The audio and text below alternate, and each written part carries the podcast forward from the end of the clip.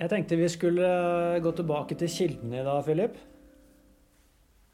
Hvilken kilde da? Kilden til eh, mindfulness overhodet. Ja, til at vi, ja, til at vi sitter her og snakker om det. Ja. Og den kilden, det er jo faktisk eh, Altså Buddhas erkjennelse. Det som gjorde at han gikk fra å være prins Siddhartha til å bli kalt Buddha, som jo bare betyr våken. Og, så jeg tenkte vi kunne altså se litt på Buddhas livshistorie. Som jo selvfølgelig er blitt uh, mytologisert. Altså som det er, egentlig er en uh, historie om den personen, eller om det bare har blitt historien om uh, en indre vei, det vet ikke jeg. Men uansett så kan det være interessant å, å snakke litt om det for å prøve å gjøre det levende. Men om du bare stopper litt der, Viggo. Hva er det du mener altså, når du sier indre vei? For det, synes jeg, det, det ordet er ikke jeg sånn superfan av, egentlig. For det, jeg får meg fort å tenke på at dette bare handler om noe du skal liksom grave på innsiden, og at det liksom alt her ute blir liksom mindre viktig. Ja, veldig bra. Da begynner vi der. Altså når eh, Du vet, alle mennesker har jo en eh, Vi har en ytre vei. Hvis jeg skal da gjøre rede for min ytre vei, så er det på Da må jeg snakke om eh, altså hvilken utdannelse jeg har tatt, karrierevalg i forhold til eh, partnerskap osv. Så, videre, så det er på en måte den ytre biografien min. Men samtidig så har jo alle mennesker et indre liv. Eh, så dette skjer alltid parallelt. De, de to skjer i samtidighet for alle uansett.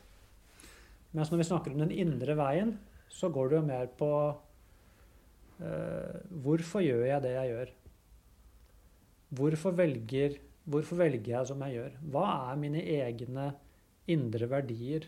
Hvordan er disse indre verdiene kommer Hvordan spiller de inn i det ytre livet mitt? Sånn at jeg f.eks. Det karrierevalget jeg har tatt, det henger jo sammen med mine indre verdier.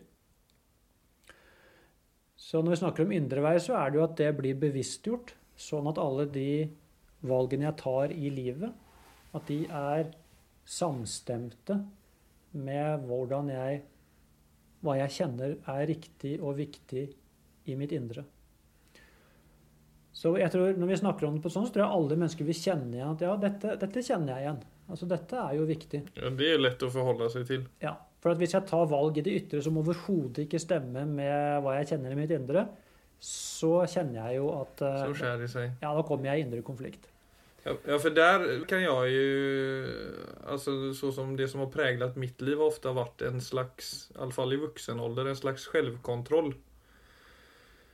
Eh, kanskje en måte å både liksom kontrollere meg selv på innenfor andre, men også kontrollere mine følelser, som gjør det indre, på en måte. Eller starter der, i hvert fall.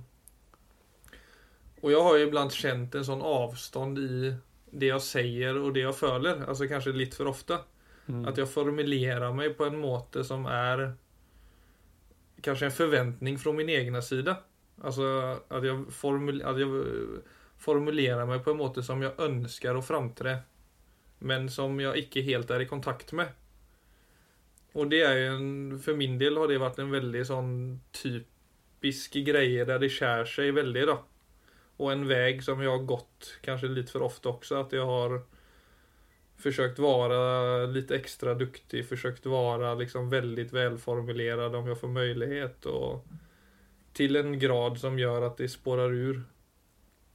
Ja, der er vi egentlig midt i dette feltet.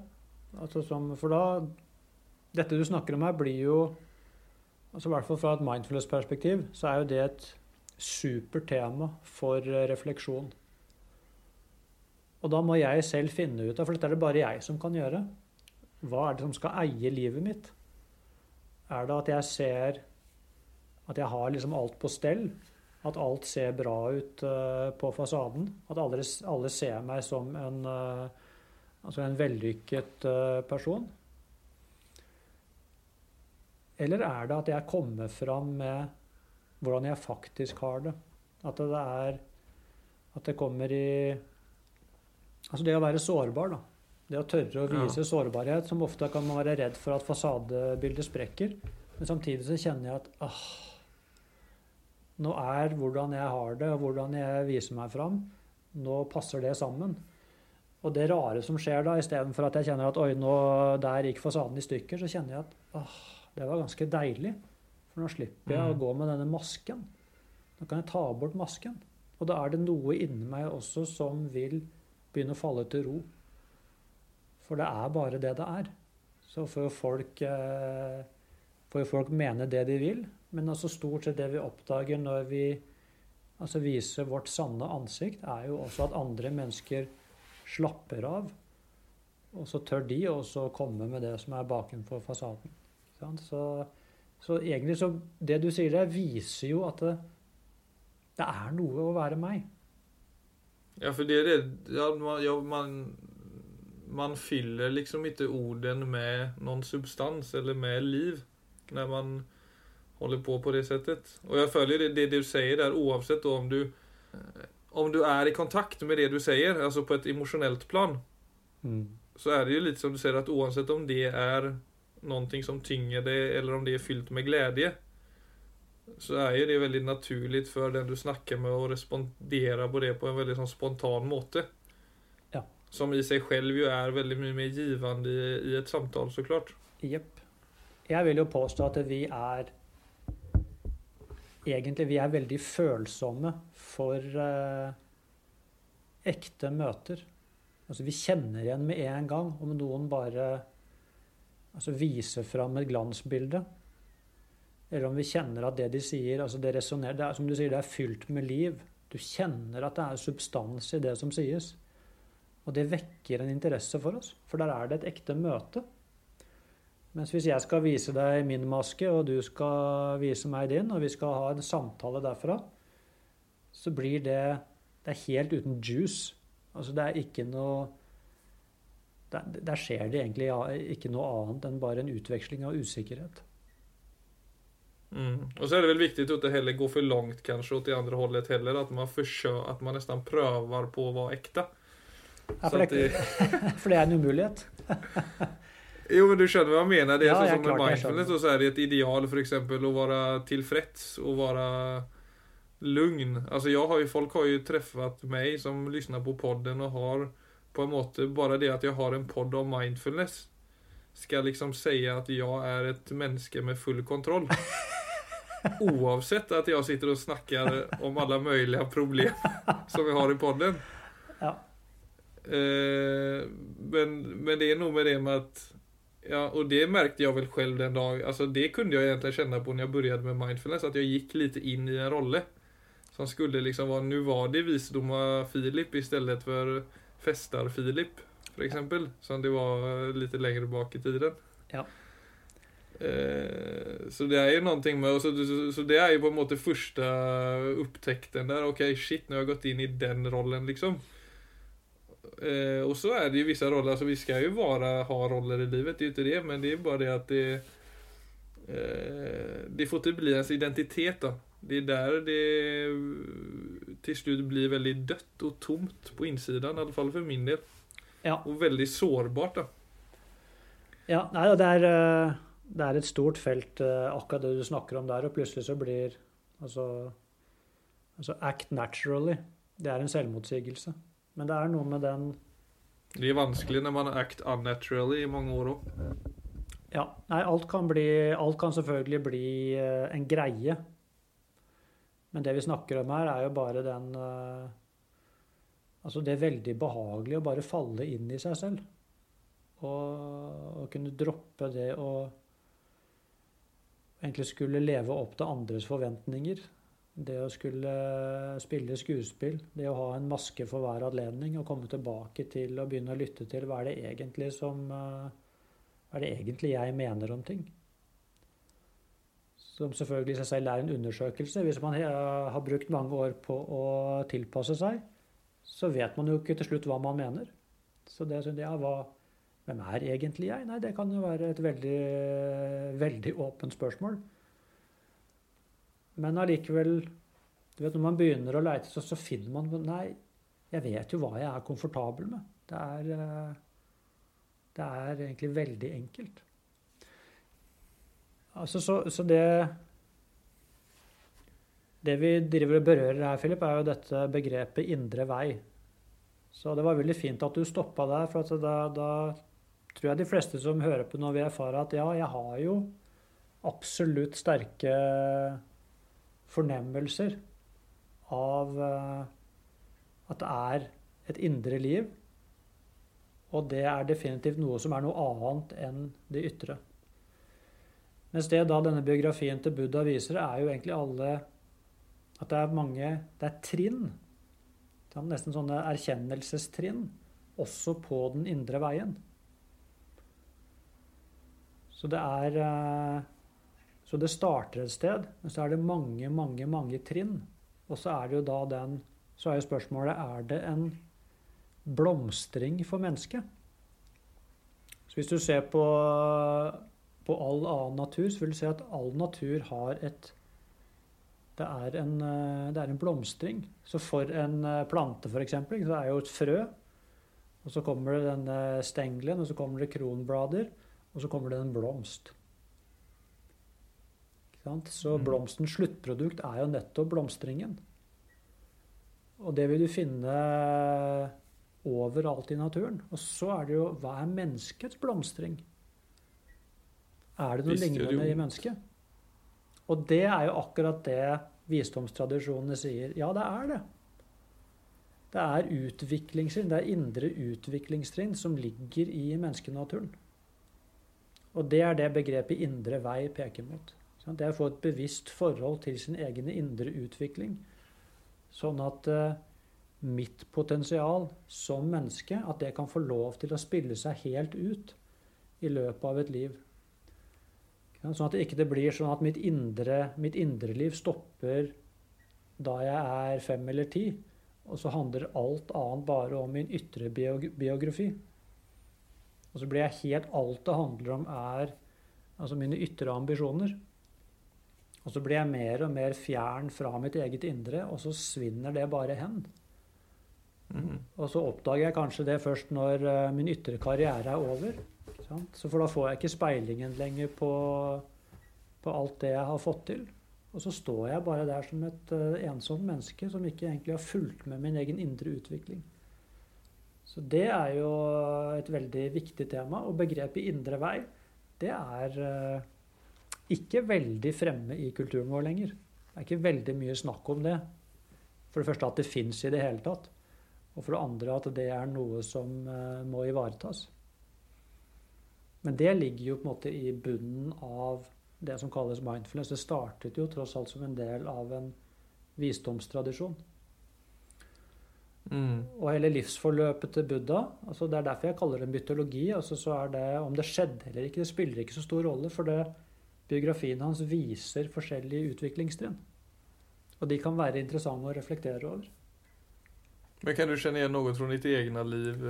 Ja, hvis vi ser på det, ikke sant, så er det jo det, det du sier nå? Ja, vent litt nå. Vi, nå starter vi med begynnelsen. ikke sant? Dette er jo Altså, Buddha ble jo etter Altså ifølge legenden, og det er sannsynligvis sant, han som ble født som, uh, som en prins. Altså i det som i dag er Nepal altså et kongedømme i Nepal. Og det som også var veldig vanlig på den tiden, og som mange også gjør i dag, altså ved fødselen så tilkaller de en astrolog. Og det astrologen sa, det var at uh, oi, denne, denne, gutten har en, uh, en stor skjebne foran seg. Enten så blir han altså det de kaller en universell monark, Altså han blir en stor konge, eller så blir han en stor åndelig lærer. Og Buddhas far, da, som selv var konge, han ville absolutt ikke at sønnen hans skulle bli en stor åndelig lærer. Så pga. denne profetien så prøvde han å skjerme sønnen sin for all mulig ytre påvirkning. Så han, eh, og egentlig skjerma han fra alt som kunne være smertefullt. Så han lagde et sånt lite idealliv inne i palasset og i, eh, og i da gårdene utenfor der. Så han vokste opp fullstendig overbeskytta. Mm. Og så var det da igjen, da, ifølge legenden, så var han på noen sånne ekskursjoner utenfor palasset. Og, og der stiftet han sitt første bekjent- bekjentskap da med På den første turen så så han en syk mann. Det han aldri sett før. Så det gjorde et enormt inntrykk på han.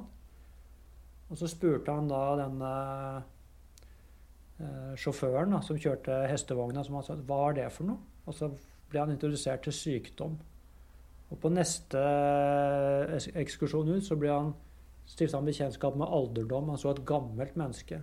Ja, det han han aldri sett før. Og på den tredje så så han en som var død. Ja. Så sykdom, alderdom, død. Så dette er jo Dette er jo eksistensielle Altså det blir hans møte med eksistensen. Så dette er jo åpenbart konstruert. Men her er vi inne i det. Ja, altså det, er en, det er jo en naturlig del av livet, alt det der som han uppenbart var skjermet från. Det er akkurat det. ikke sant? Så det går da fra å være overbeskytta og til å kjenne at du er trygg i bobla di, og så ser du plutselig de elementene ved eksistensen som du ikke har kontroll over. Sykdom, alderdom, død. Uansett hva du gjør, så vil du møte disse. Så det skaper jo da en eksistensiell krise hos øh, denne gutten. For han ser det at uansett Jeg er prins, jeg har på en måte kontroll over hele verden, men jeg kan ikke beskytte meg mot eksistensen. Og det begynner å gnage i han. Mm. Og øh, inntil da at det gnager så mye at han en dag Da har han jo giftet seg og fått en liten sønn, og er prins. Og skal jo ta over dette kongedømmet. Så her er det et menneske som på en måte altså har absolutt alt i det ytre. Men så blir den eksistensielle krisen den blir så sterk at han en dag sniker seg ut av slottet midt på natta og bare flykter fra hele greiene uten å si ifra til noen og ut i jungelen.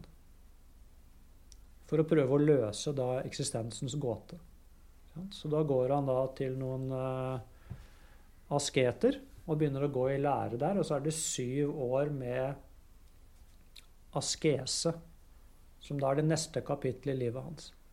Hvor han prøver å fjerne seg fra egentlig alt det sanselige og vender all oppmerksomheten innover og nesten ikke spiser mat.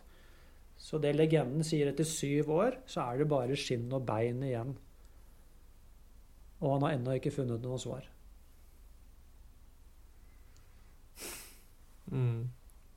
Så det er klart, her er det Dette er jo eksistensielle temaer. Ja, ja, han tok liksom Han tok tag i den andre enden. Ja. Så, så han ble ekstrem, da. Så først så ikke var han veldig ekstrem den ene veien, og så ble han veldig ekstrem den andre veien. Så han prøvde ut begge ender av skalaen, kan du si. Ja. Og derfor så snakkes det jo veldig mye om buddhismen, om middelveien. Det er et begrep som er veldig mye brukt. Ikke for mye den ene veien, ikke for mye den andre veien. Det er hele tiden å finne senter. Så, så hvis vi stopper et øyeblikk der, da, i denne biografien, og, og hvis du spør meg kjenner du igjen noe av det, sant, så må jeg si ja, selvfølgelig kjenner jeg igjen det. Og det, det vil jeg tro at eh, du også gjør, og jeg tror egentlig alle andre også gjør. Sant, Å se på den Altså hva man har prøvd ut, og hva man tror ligger et sted. Og så prøver man det, og ser man ja, det var sånn og sånn og sånn, men det var noe som mangla. Så når jeg ble munk i en alder av uh, par og 20, så var jo det også fordi Altså jeg hadde jo, Når jeg tenker tilbake på det, så hadde jeg, som alle andre, da Altså hva, hva er det som driver oss? Jo, vi leter jo etter altså noe som fyller oss, noe som gir mening. Noe som gjør at jeg kjenner at ah, nå er livet bra. Nå er jeg der Mm. jeg ønsker å være. Og jeg søkte jo da også veldig i Altså en ung mann i moderne tid. Altså i, uh, i fest. I det å gjøre Altså være min egen herre. Altså følge mine egne lyster. Selvfølgelig utforske rus, seksualitet. For meg så gikk det på en måte sånn med altså litteratur, kunst, den type ting. Altså var der Mm. det jeg var tiltrukket av. Så jeg Ikke noe Ikke noe mer enn folk flest, tror jeg. Absolutt ikke noe mindre heller. Men uh, mener, altså, for för det er litt lite der, for du valgte jo også den ekstreme veien der. Så som han gutten, den enligt legenden. Og det, er jo, det gjorde jo for så vidt jeg òg, kanskje, når jeg forsøkte meg på å bli munk. Trots at det var kortvarig. Men eh, det er jo ingen, det er jo ingen forutsetning at det må være ekstremt heller. Men det er vel på en måte hvor Hvor stor den obalansen kanskje er, da. Beroende på hvor Og så er det jo sikkert så såklart veldig individuelt der. Eh, Men det, vi skal vel ikke heller si at det er ingen forutsetning at man må velge en ekstrem vei for å komme i kontakt med sitt potential. Nei, absolutt ikke. Men jeg tror hvis, du, hvis vi heller ser på det at det er visse ting du Det er visse ting du trenger å erfare. Det vil jeg definitivt si. Og så er det da å reflektere over sin egen erfaring. Så at jeg kan se OK, nå har jeg prøvd ut dette. Hva vet jeg, hva vet jeg nå? Sånn at jeg hele tiden oppdaterer min egen erfaring. Så for, uh, hvis jeg skal se for min egen del, da, så var det jo på en måte det at jeg på en måte så hadde jeg egentlig oppfylt alle de kriteriene som Ja. ligger i vår kultur, som sier at hvis du har alt dette, så har du et godt liv.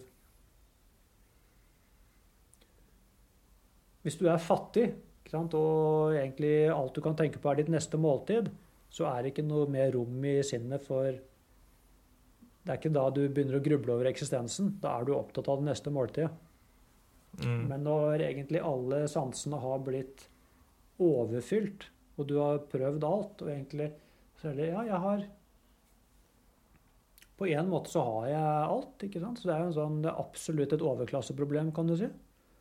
Men allikevel kjenner du Men jeg var helt tom innvendig. Da er det egentlig en annen reise som kan begynne. Men der er det, Samfunnet har jo gått, der er det jo en, det er jo en tydelig obalans i samfunnet i dag hva gjelder ja, om man skal se på underholdning versus bildende, altså om, om vi ser på hvordan vi konsumerer medier og sam, samfunnet generelt sett så peker veldig mye mot underholdning og det å få slappa. Yes. Alltså man bara, vi kan bara se, om vi bara på böcker som toppar eh, eh, listorna så är det ofta väldigt kommersiella titlar man hittar där som ofta handlar om en person också. Yep. Alltså gärna en självbiografi och i många fall är det också första gångs eh, författare.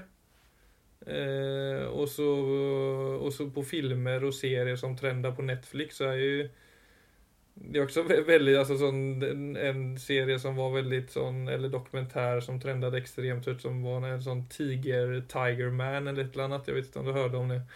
som också blev en sån supersuccé i hela världen liksom, som er bare ett sånt fenomen rundt en person og hans galne värld liksom. Nettopp.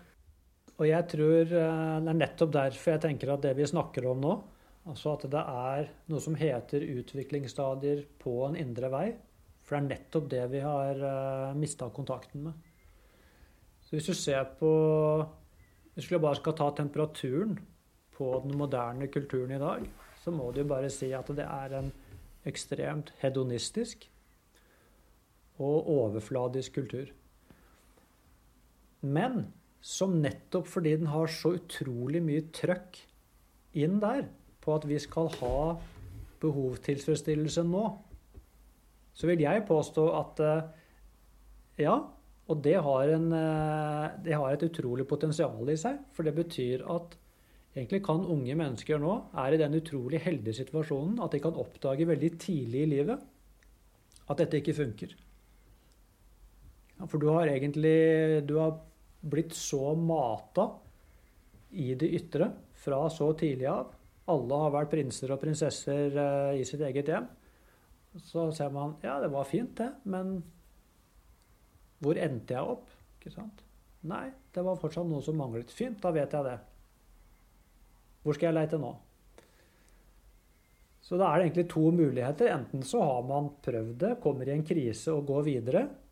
Eller så i verste fall så man, må man bare dope seg ned. Og bli da stående på på, på stedet hvil, som jo blir en, eh, et miserabelt liv. Men det er fullt mulig, det. Å bli stående. Men det er klart, der er den Så egentlig hvert sånn trappetrinn vil ofte innebære en liten krise. For det er noe man har, man har prøvd ut noe.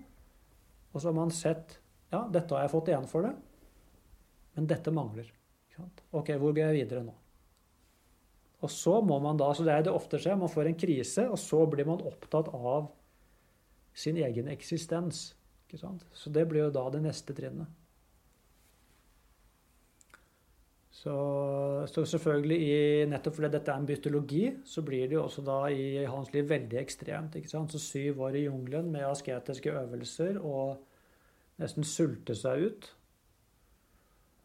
Og så fant han ut at det å nekte seg sanserfaring, det å nekte seg gleder, det funka heller ikke. Så been there, done that. Let's move on. Let's move on. Og da er det jo Da kommer middelveien. Så, han, eh, så det han da skjønner for han, han, erverver seg jo innsikter hele veien. Så han skjønner det at dette legemet, altså denne kroppen, den, den må tas vare på.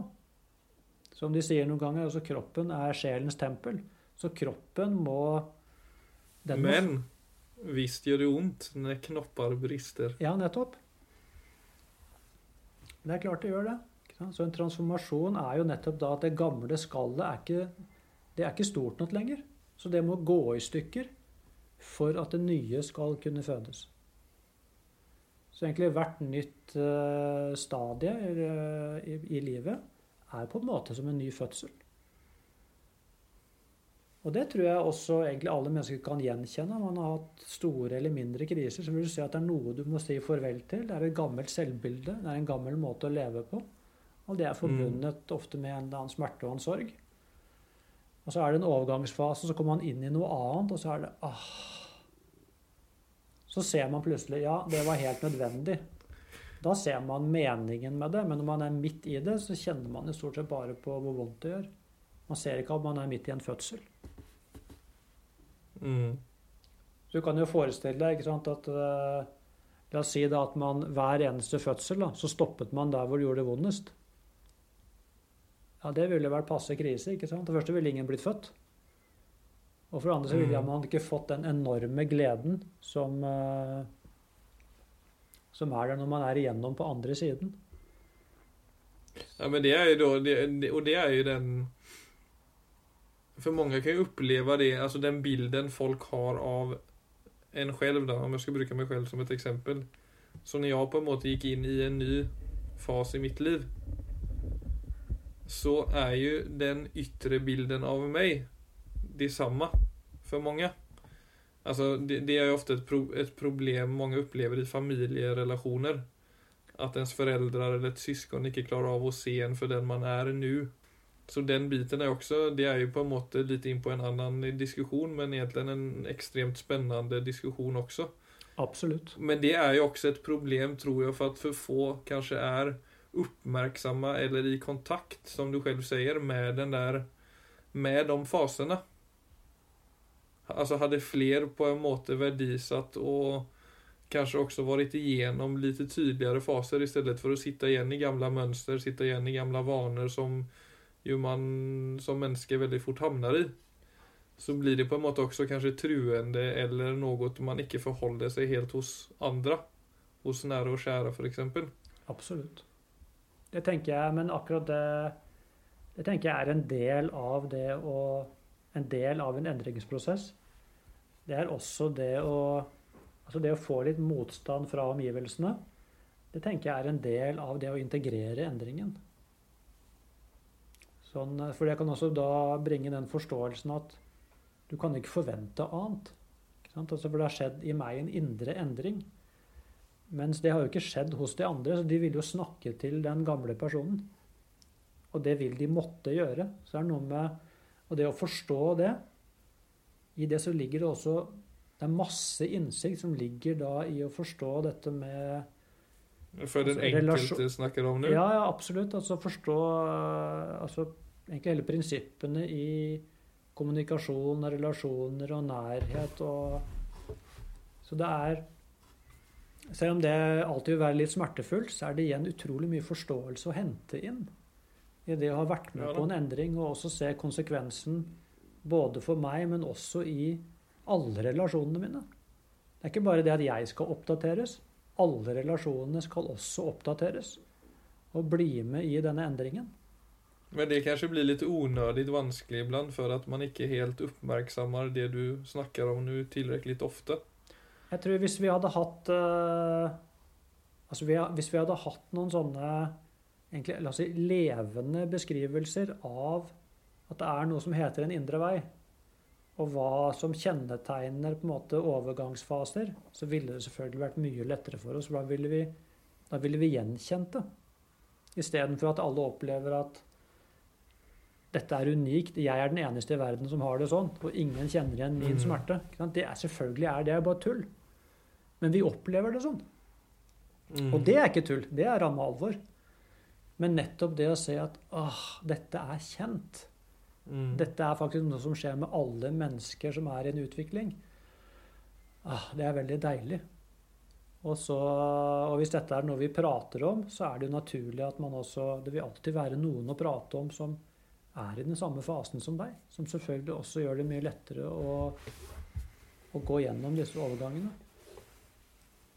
Ja, og kvinner får jo mer mannlige hormoner med ålderen, og menn får mer kvinnelige hormoner med ålderen, fikk jeg precis eh, informasjon om.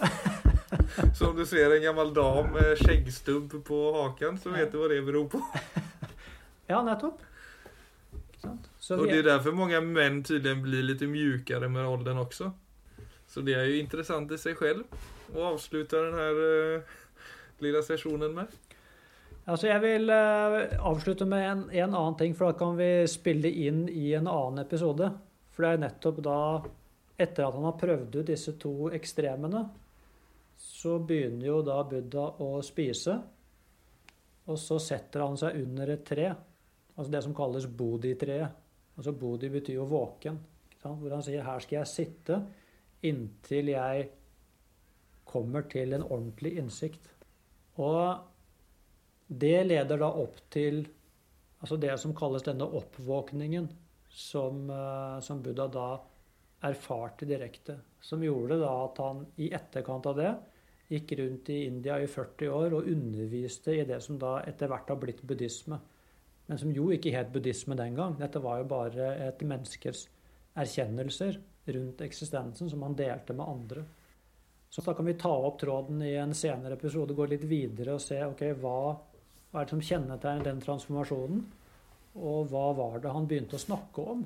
For at selv om dette var for 2500 år siden, så snakket han jo om det å være menneske og det å stå i eksistensen. Og i min egen erfaring så er det veldig mye der hvis vi kler av at dette er en isme, kler av at ritualet krever at det er tro, og prøver å gå inn til kjernen, så er det ting der i dag som er eh, relevante for meg og deg og alle andre som lever moderne, hektiske liv i Norge i 2021. Jeg tror det er en grunn til at både stoisisme og buddhisme har fått et såpass stort oppmerksomhetsfelt i dag i Ja. verden. Definitivt. Det er ingen eh, tilfeldighet. Nei, det er ikke tilfeldig. Så jeg tror hvis vi klarer å snakke om dette på måter som er neppe og nære, så tror jeg, tror jeg alle vil kjenne at ja, her er det relevante ting. For det handler om Mm. menneskenaturen.